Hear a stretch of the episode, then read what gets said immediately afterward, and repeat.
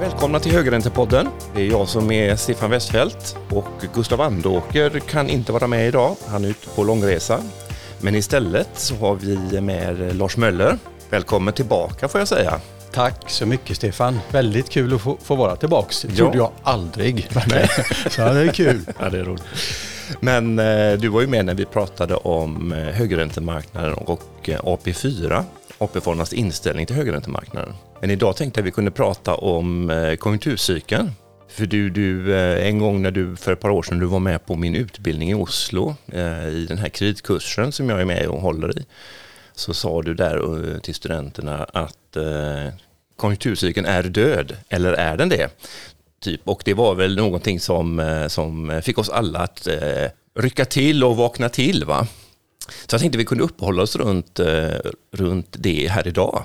Men först Lars, eh, du är eh, ansvarig för eh, portföljallokering på AP4, eller hur? Ja, det stämmer. Stämmer Stefan. Portföljanalys heter enheten som, som jag är ansvarig för och, Ja. och så. Ja, Just det. stämmer. Men du har också eh, avlagt en avhandling i eh, nationalekonomi här inom makroekonomi här på Handels i eh, Göteborg. Eh, Det stämmer. Det Ja. är ju så länge sedan då Stefan att, och jag har kollat detta. Det här är ett brott som är avskrivet. Men det är riktigt. Ja. Du och jag vi var ju, eh, vi var ju kompisar och Ja. kollegor och doktorandkompanjoner redan på den tiden ju. Stämmer. Nej, men det, det finns väl ingen som är mer lämplig än du egentligen att eh, fördjupa oss i det här ämnet, eller hur? Nej, det, det, det är sån grej som jag skulle kunna sagt själv faktiskt.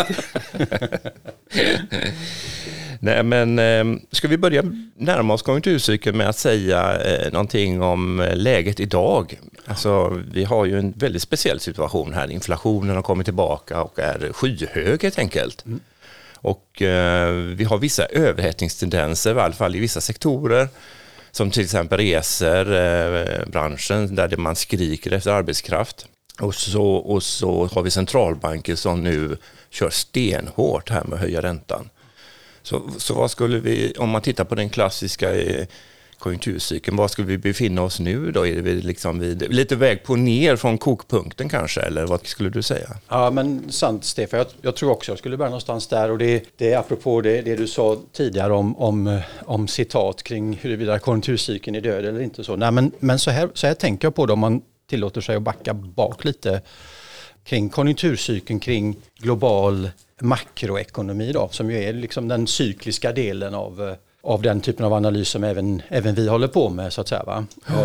Jag menar, vi, vi hade ett ganska långt uthållig period efter den globala finanskrisen ju där om man tittar på cykeln som en, eh, en, en process då, då så, så, så var den ju väldigt eh, begränsad i sina, i sina svängningar. Det, det var inte så kraftiga rörelser under ganska lång tid. Och, och, och, och var, den var då omgiven av en väldigt speciell policymiljö som vi känner till. Då. Så någonstans är det väl så att det fanns anledning, kanske både för marknader och andra, att nästan vaggas in i någon föreställning om att konjunkturcykeln faktiskt är död på något sätt. Då. Eh, Men, men som vi nu har sett då, över, över, över en tid så är det ju sa- sannoliken inte det. Då. Och, och det är flera saker som jag tänker är väldigt tillspetsade nu och som kanske är inte bara annorlunda jämfört med de sista 15 åren utan annorlunda kanske sen, sen, sen mycket längre än så. Då, då. Och, och det är den här kombinationen som vi nu ser då av ett kraftigt efterfrågetryck som på något sätt stimulerades upp lite grann i kölvattnet på pandemin och, och väldigt kraftfulla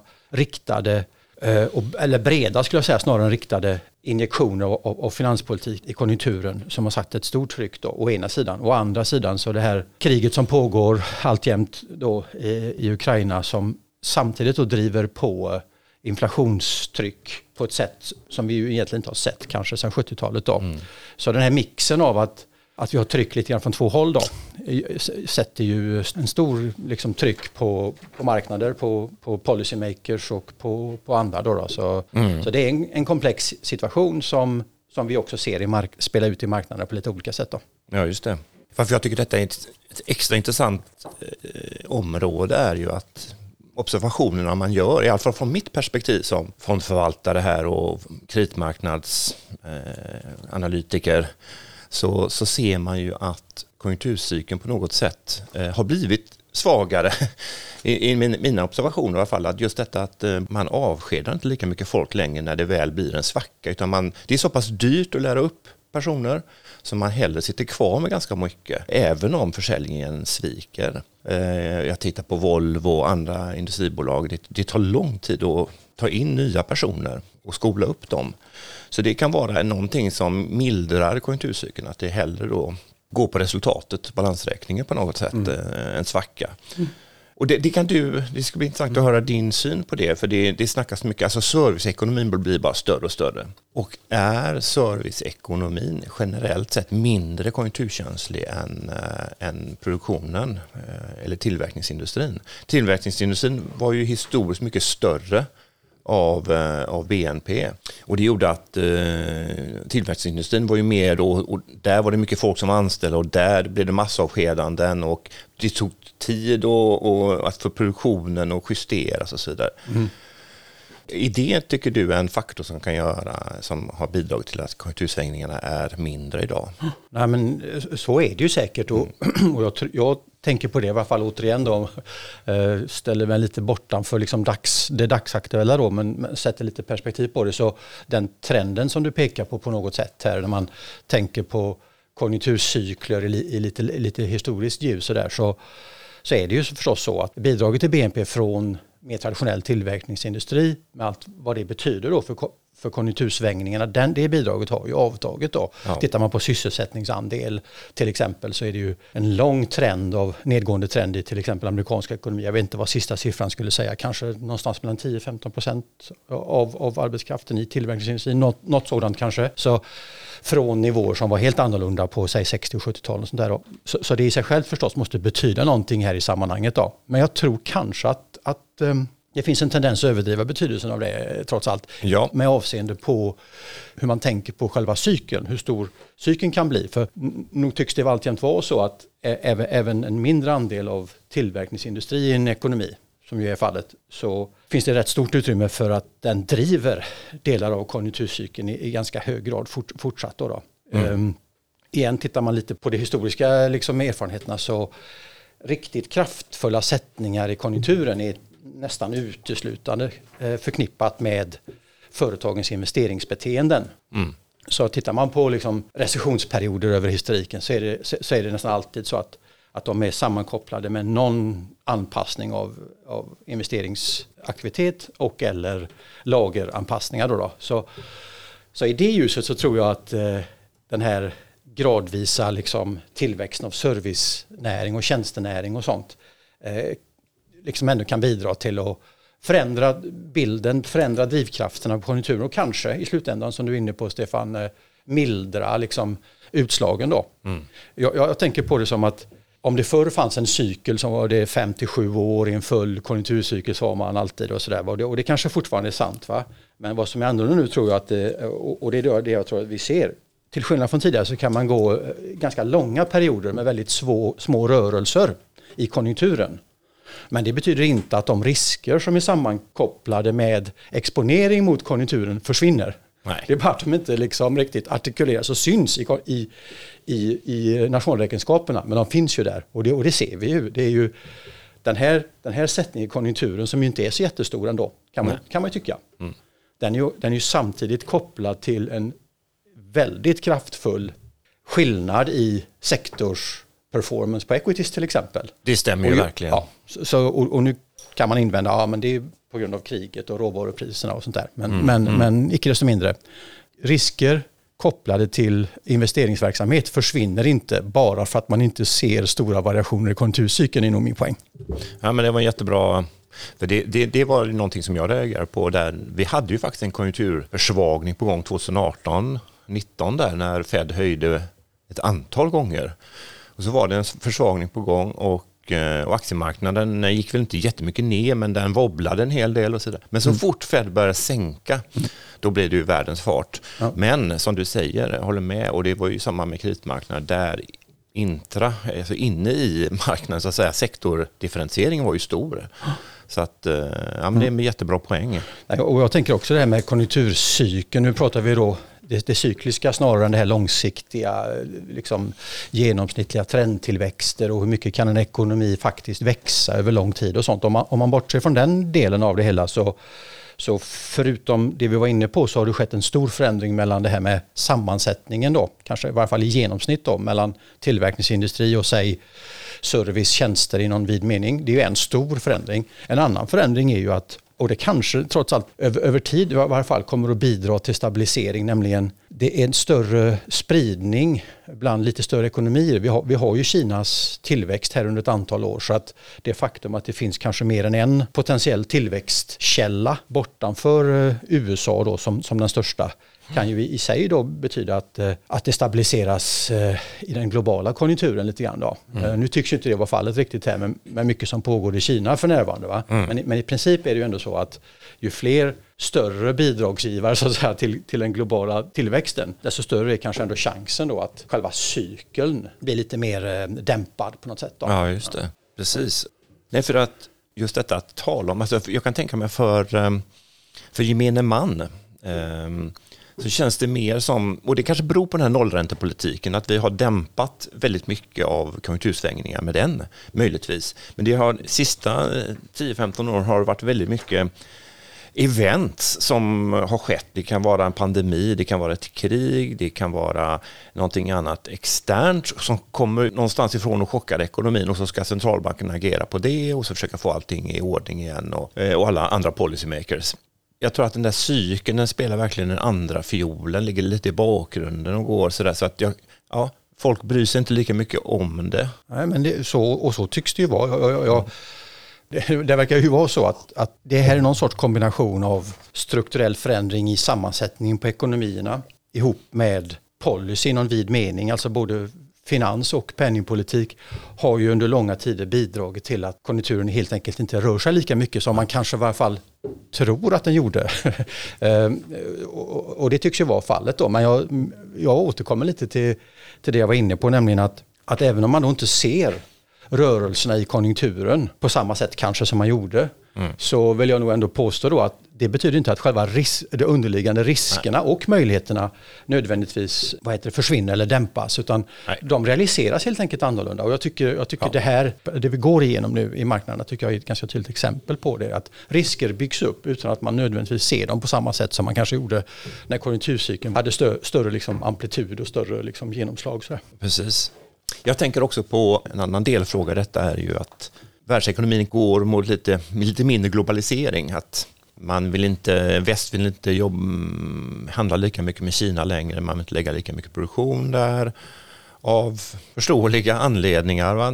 störningar och annat. Och I samband med Ryssland vill man också isolera och att det blir mer regionala ekonomier nu än tidigare. Så Europa och USA kanske är ett block, då Kina ett annat och så vidare detta kan vara bara både bra och dåligt. Det är ju dåligt för att förmodligen får vi högre inflation, det blir mindre konkurrens på globalt, på globalt plan. Eh, men eh, å andra sidan kan det vara så att det är högkonjunktur i Europa men lågkonjunktur i Kina som på något sätt för världsekonomin eh, faktiskt dämpar svängningarna på ett globalt plan.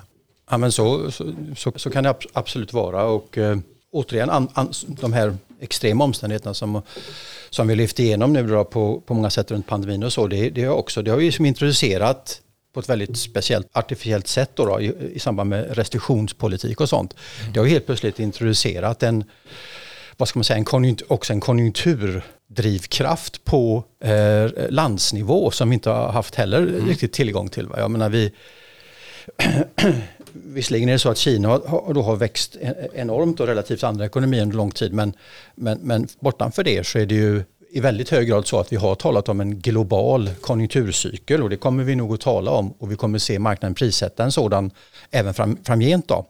Men det är väl en av de saker som faktiskt pågår här då att den relativa betydelsen av även lite mindre ekonomier, inte de minsta förstås, men även lite mindre ekonomiers liksom, inhemska omständigheter kanske trots allt spelar ut mer än vad de har gjort under långa, långa, långa tider. Då. Mm. Jag menar, framväxten av Kina och den här riktiga kraften i globaliseringen hade ju ett, ett antal inslag i sig som all, alla på något sätt gick i riktning mot att globalisera konjunkturcykeln, att dämpa prisutveckling trots stark underliggande tillväxt och allt sånt där. Och, och, och på många sätt var det ju gynnsamt förstås. Eh, sen vet vi också att det hade lite en baksida då, på lite olika sätt. Inklusive skulle någon hävda till exempel eh, fördelning av eh, inkomstfördelning och annat. Då, då. Men, men den här deglobaliseringstendensen som ligger lite grann i korten på det som sker nu, det, det lär ju inte vara tror jag då, någonting gynnsamt i sig självt utan, eh, utan kanske ändå eh, i första hand ska ses som lite av ett, av ett problem när, när, det gäller, när det gäller väl fungerande och uh, finansiella marknader och, och, och väl prissatta marknader och, och avkastningsmöjligheter och sånt. Då, då. Mm, mm. Men ja, ja. ja, det, är en, det är en väldigt, på många sätt tror jag, en en, en tid där, där saker och ting står lite under, under, under förändring. Då, då. Men, mm. Mm. Men väldigt sällan under så stor förändring som marknaden tycks tro. Det brukar ju sällan vara fallet. Men Nej, vi är nog väldigt integrerade fortsatt och att ja.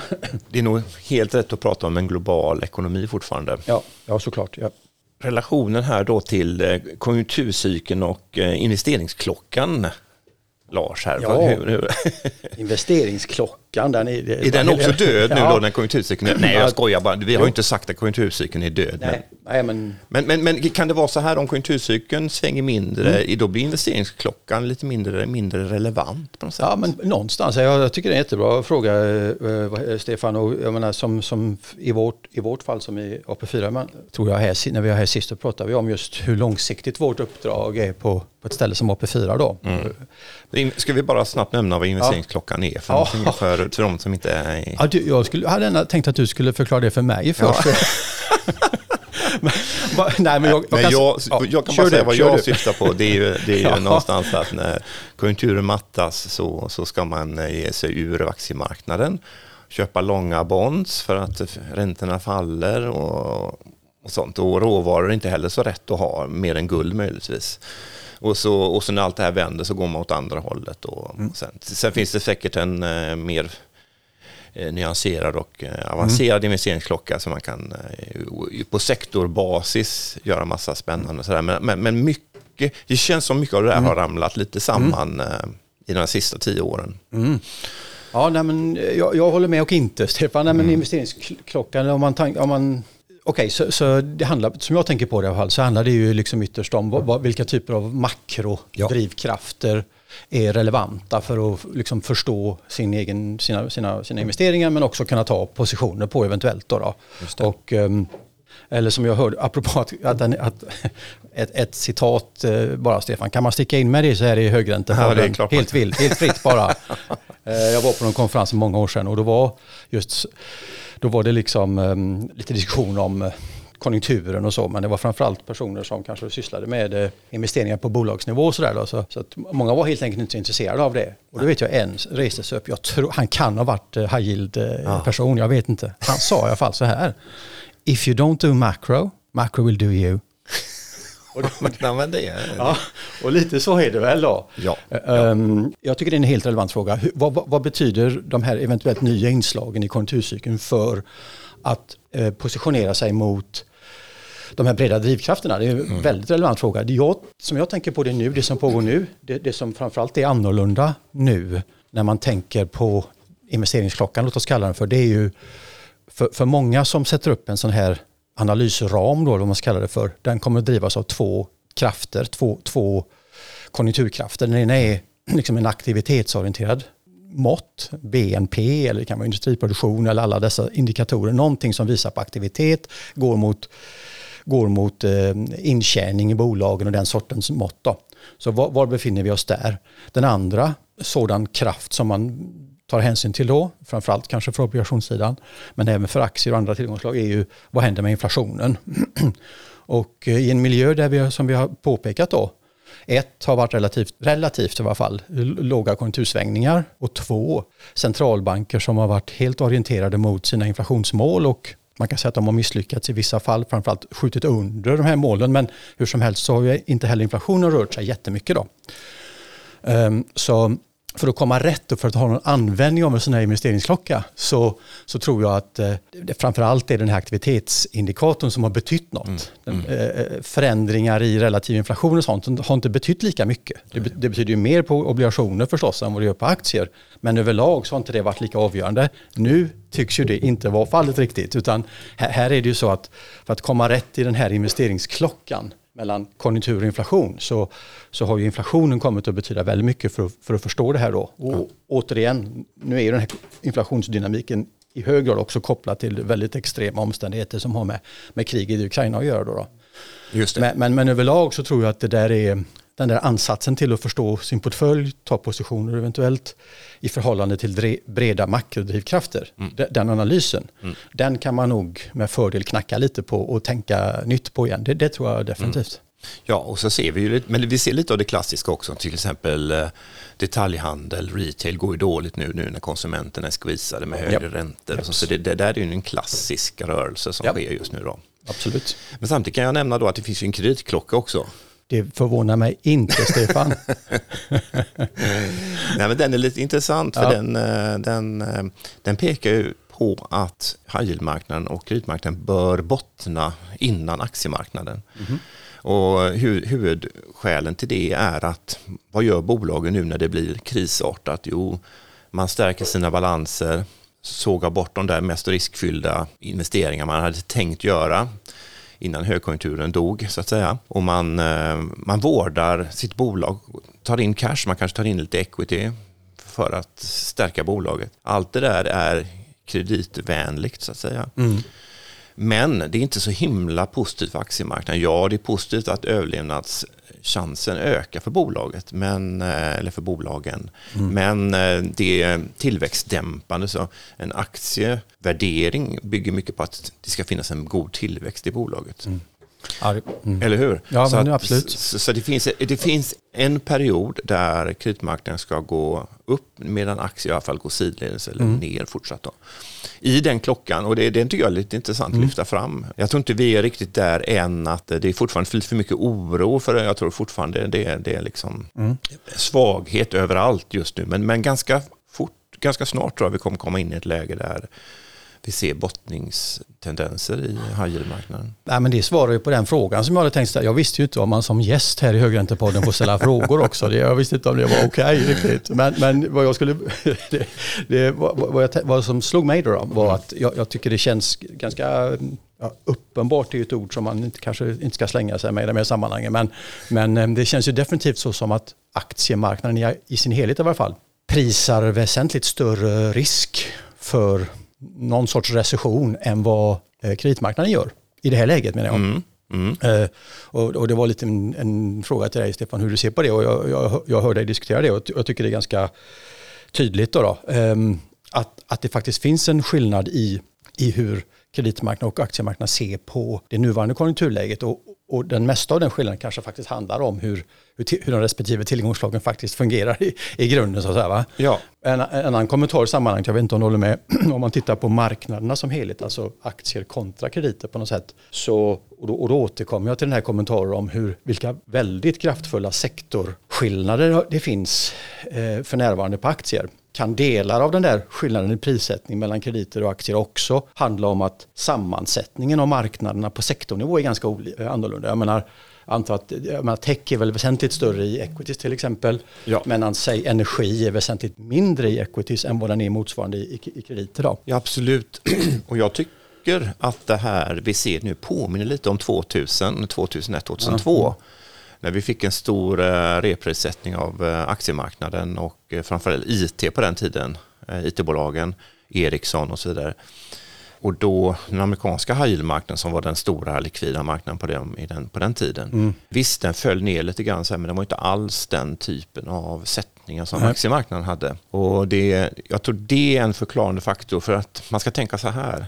Om Tesla faller, halveras i värde så är det fortfarande så att deras skuldsättning går från 1% till 2%. Ja. De är fortfarande så, de här bolagen, så långt från en konkurssituation så att eh, det spelade inte nästan någon roll ur ett tidsperspektiv om de bolagen halverar sina aktievärden. Va? Mm. Så att ehm, Men nu vill jag säga, lägga till då att den här senaste rörelsen, senaste månaden har varit mer eh, tuff mot high marknaden mm. också. Mm. Så vi har haft mm. ganska stora sättningar senaste tiden. Och det, det bygger väl mycket på att nu det började mycket som en värderingskris lite grann. Mm. Bonds sålde off av grund av att räntan var alldeles för låga insåg mm. plötsligt alla och sen eh, och tech var alldeles för högt värderat och så vidare. Nu har det gått in lite i breda marknader, har sålt av. S&P har gått sämre mm. Eh, och även eh, high yield generellt. Men det kan också vara den där sista, jag ska inte säga sista, men det kan vara den där vevan då alla blir oroliga för allt. Ja, och, och, man bara tar av risk bara för att det känns rätt att göra det. Och man börjar prata nu om Italien och Grekland Amen. och du vet, spreadar där nere. Och ska, alkohol, ska det bli 2011 igen och sådär? Det, det, det, nu, nu börjar man leta efter risker som jag tror inte riktigt finns där. För om vi ska bara kommentera den biten så är det ju har ju eh, eurozonen en helt annan eh, verktygslåda, det kan du mer om än jag, än vad man hade 2011 mm. när man inte hade några program uppsatta för att hjälpa och stödja Sydeuropa. Mm. Håller du med mig? ja, det, det gör jag nog i och för sig, men jag var mm. mer Just, just din kommentar kring de skillnader som ändå kanske man bör, man kan förvänta sig att se mellan prissättningen av den här konjunkturosäkerheten mellan två tillgångslag som, som ändå beter sig lite olika. Då, Så jag tycker det är liksom bara i sig självt är rätt mm. spännande. Då. En angränsande kommentar där tycker jag i, i det här fältet är ju liksom att, tänker jag att en annan, ja, ovanligt, jag vet inte, men väldigt skarpt inslag i det här är ju, vi nämnde inflation kontra konjunktur i den här investeringsklockan och sånt där. Men, men någonting ju som, som, verkligen har, som verkligen har slagit in i marknaden tycker jag, det, det är ju det här med om man talar om aktier som också, ha, som, som också har en, en durationsrisk i sig. Ja. Alltså bolag som, som har osäkra kanske, men i alla fall väldigt framtida kassaflöden in. Eh, de har ju gått väldigt bra under väldigt lång tid, kanske på goda grunder då. Men nu när, ja. när, när, ja när räntor har lagt om så som de har gjort då, även på lite längre löptider, så det är klart att de prissättningarna är inte hållbara och det är ju delvis det vi, vi har sett då och det har slagit ut liksom i, på sektornivå. Det, det är mycket av sådana bolag som, som har fått känna av det här, den här miljön då. Ja. Så, så återigen, här är ytterligare en, liksom en sån vinkel in i eh, en marknad som är lite ja, annorlunda helt enkelt än vad vi har vant oss vid eh, under, under ganska lång tid. Och, och, och det här, och, och där tänker jag, där står liksom eh, där står på något sätt runt de här sakerna så står verkligen eh, centrum av eh, liksom, eh, analysen och hur man ska förhålla sig till, till risk kontra lite mer försiktiga tillgångslag eller eventuellt på sektornivå och sånt ja. där. Ja, jag tycker det är en jättebra kommentar för nu plötsligt har vi en räntenivå, jag tror den femåriga svenska swapräntan är på över 3% nu. Och varför ska du köpa en korg av högutdelande aktier när du kan få över 3% bara köpa en mm en riskfri obligation. Egentligen. Riskfri, det finns en räntedurationsrisk mm. i det, men eh, du kan ändå låsa in en eh, en med hög kreditvärdighet, eh, ränta på över tre. Gillar du räntor och sånt, Stefan?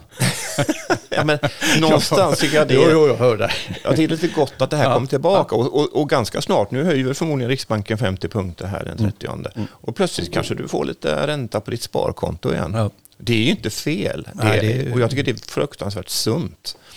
Så att jag, jag det, och, det, och det kommer, det kommer påverka både high yield och eh, räntemarknaden och aktiemarknaden det här är under lång tid framöver. För det är ett regimskifte som pågår. Ja, det är intressant.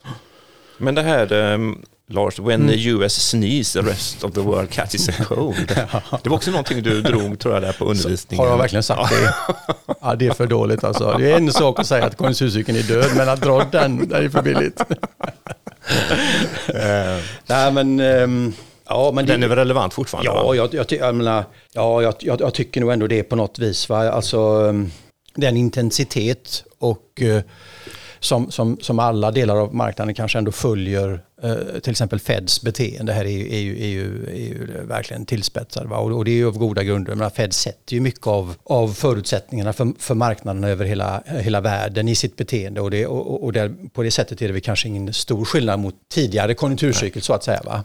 Um, men, men, men återigen, apropå de kommentarer vi hade tidigare om Kinas roll i det här, hur, hur, hur vad heter det, nu helt plötsligt då sådana här supply lines och supply chains och den mm. sortens utbudsdrivna grejer mm. har, har, fått en helt ny relevans Ja. i konjunkturbedömningar och sånt där. Det är klart att de sakerna talar ju för då kanske att USA inte riktigt har samma liksom avgörande roll för konjunkturen. Men ska man börja någonstans? Ja. Ska man prioritera ett ställe? Ska man fundera på en centralbank bara? Ja, då vet ju alla vilken som verkligen betyder någonting. Så, va? mm.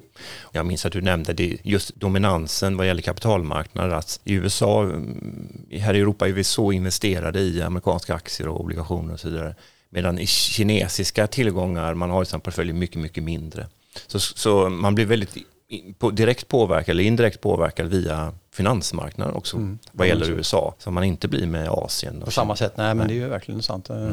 Nej men så, så att, eh, ja, att centralbanker med Fed i spetsen här nu har rört på sig på det här sättet det är ju återigen alltså det, alltså det här med att 75 punkter och sådana här, såna här storheter. Ja. Skalan på saker och ting har ju helt plötsligt, eh, alltså det har ju ändrat sig med, med sådan kraft att det är liksom man hissnar nästan va. Ja, ja, vad tror du om det? Blir det 75 till här eh, i julimötet för Fed? Nej, jag, jag, jag har inga skarpa åsikter så. Jag, jag, eh, nej, det tror jag inte. Nej, nej, nej. Eh, jag tror att det, nu har man ju satt in sig på en bana och här som, som, där, det liksom, där man är beredd att ta, känns det som, gå hela vägen här och, och utmaningen är ju dramatisk. Det är bara att titta på inflationssiffrorna så att säga. Va? Ehm, samtidigt är det ju en miljö där ganska många och ändå de, bland de som kan betyda något i sammanhanget har en hyggligt, en hyggligt försiktig, en hyggligt gynnsam så att säga bana för inflation framåt då, att den faktiskt kommer att komma ner och så. Va? så att Det är här osäkerheten är koncentrerad, men att Fed har har mer att, att ge och mer att göra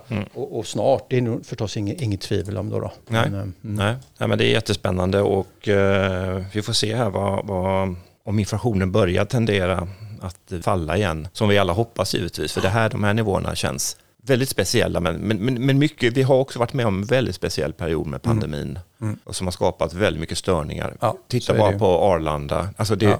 titta på man har avskedat så mycket folk så man, när resande väl kommer igång igen så är man helt handfallen. Och det är klart att det är ju, detta gäller ju industrin också. Ja, men det är, det är klart att det, det, och det är mycket som förtjänar ett, en, en extra, eh, kanske ett annorlunda vad man säga, förhållningssätt och analysperspektiv som inte har gjort, som inte har behövts och varit aktuellt tidigare. Då. Så mycket av de här vad ska man säga, mikrodrivkrafterna i konjunkturcykeln som har att göra med ar- arbetsmarknadens funktionssätt, tillfälliga störningar som ett resultat av, av det vi har gått igenom. Allt sånt där tillhör ju bilden och är, är komplicerande men någonting som när man jobbar i, i, i, den här världen ett, ett nödvändigt fokus. Då. Men jag, jag tänker också på, vi pratar om Fed och vad räntehöjningarna betyder och sådär. Det, det som ligger outtalat här är ju på något sätt att centralbankerna kommer att behöva höja räntorna och detta gäller väl i synnerhet USA då, kommer att behöva höja räntorna på ett sådant sätt att man därmed dämpar konjunkturen och den delen av inflationstrycket som är efterfrågestyrt då skulle liksom hämmas och, och, och så. Va? Men, men där är det ju också så att att eh, den grad av räntehöjning som tycks krävas för att få en, en avmattande konjunktur för det första och för det andra den, den st- storleken på en, en konjunkturavmattning tycks vara väldigt, väldigt stor för att den ska börja ha någon riktig effekt på till exempel kärninflation. Då. Så, det, så det, och om, om det här är liksom i förlängning av det här så, så, så, så, kan det se, så ser det ut som om det ligger lite av en, en, en risk i att konjunkturen måste ner ganska rejält mycket Ja. för att Ja. för att ha en riktig inverkan på inflationen. Då. Och, och, och, där, blir ju, där landar vi väl som så ofta då att några av de verkliga nyckelmåtten här och nyckelegenskaperna i marknaden är- i det här avseendet blir hur ser inflationsförväntningar ut både på lite kortare och lite längre sikt. Och kan på något sätt politiken eh, vara med och liksom dämpa de här inflationsförväntningarna? Kan de inte det, ja då, då då är det ju eh, eh, helt andra risker tror jag som står på, ligger på bordet när det gäller den lite mer medelsiktiga inflationsdynamiken. Då, då. Skulle den liksom tappa, tappa fäste och, och, och, börja cementeras på nivåer som är klart över inflationsmålen, ja då, då kommer ju kanske hela policy-frameworket att komma att ifrågasättas också på ett nytt sätt. Då. Och, då, och då är det också, eh, då, då introduceras ju en helt, eller delvis i alla fall, ny osäkerhet i marknaden. Då. Det, är väl, det känns som att det är en mindre del som är efterfrågedriven inflation det här än, än vad som är utbudsdriven så att säga. Så, så, mhm, så är det nog. Jag, jag, och så är det säkert. Det, det, det ovanliga är i alla fall en ut, storleken på den utbudsdrivna delen men, men den efterfrågedrivna delen och i synnerhet i USA tycker jag den är liksom inte trivial. Nej, eh, nej. Utan sektorer som är cykliskt påverkade inflationsmässigt. Mm. Skalar man bort inflationskomponenterna och, och, och koncentrerar sig och tittar på bara de komponenterna som man, man kan bedöma vara cykliskt drivna, och det vill säga försöker bortse från det här utbudsdrivna eh, sakerna, så är det ju alltid så att den har gått upp en del också. Då. Ja, det. ja. Det är en kombination av faktorer. Centralbanken står liksom i mitten av de här krafterna här eh, och, och uppenbarligen då är beredda att, att höja räntan ganska, stad, ganska rejält för att, för att åstadkomma det man vill då, nämligen prisstabilitet. då. Ja, just det. Jag ser att klockan drar iväg, Lars. Det är alltid så när man har skoj. Ja, lite. Är det något du vill tillägga? Eller kände du Nej, har, men du, ja. jättekul diskussionsämne. Komplext och svårt men väldigt aktuellt. Jag menar, vi, återigen, jag, vi, var inne på det från AP4s del. Vi, vi kanske mest, mest kända publikt för att just vara eh, väldigt långsiktiga då. Um, det är en väldigt viktig del av vårt uppdrag och, och någonting som vi så säga, lutar oss mot i vår strategi. Så de här sakerna står ju samtidigt då precis i centrum för dag till dag eh, arbetet och eh, vi har liksom eh, lite grann i hälarna på det vi diskuterar här också valt att eh, lägga förnyad kraft lite på de här cykliska eh, analysen då och, Ja. och, och utveckla det vi redan har gjort tidigare för att just komma liksom få ett grepp på det här på, på, på ett sätt som, som kan gynna vår investeringsverksamhet. Då. Så det är ett väldigt intressant ämne och något som jag hoppas vi kan Mm, kanske återkomma till eh, det har vi säkert igen. anledning Ja. till. eh. Mm. Men Stort tack. tack för att jag fick vara här Stefan igen. Ja, Tack. Och tack för att du kom. Tack så mycket. Hej då. Hej.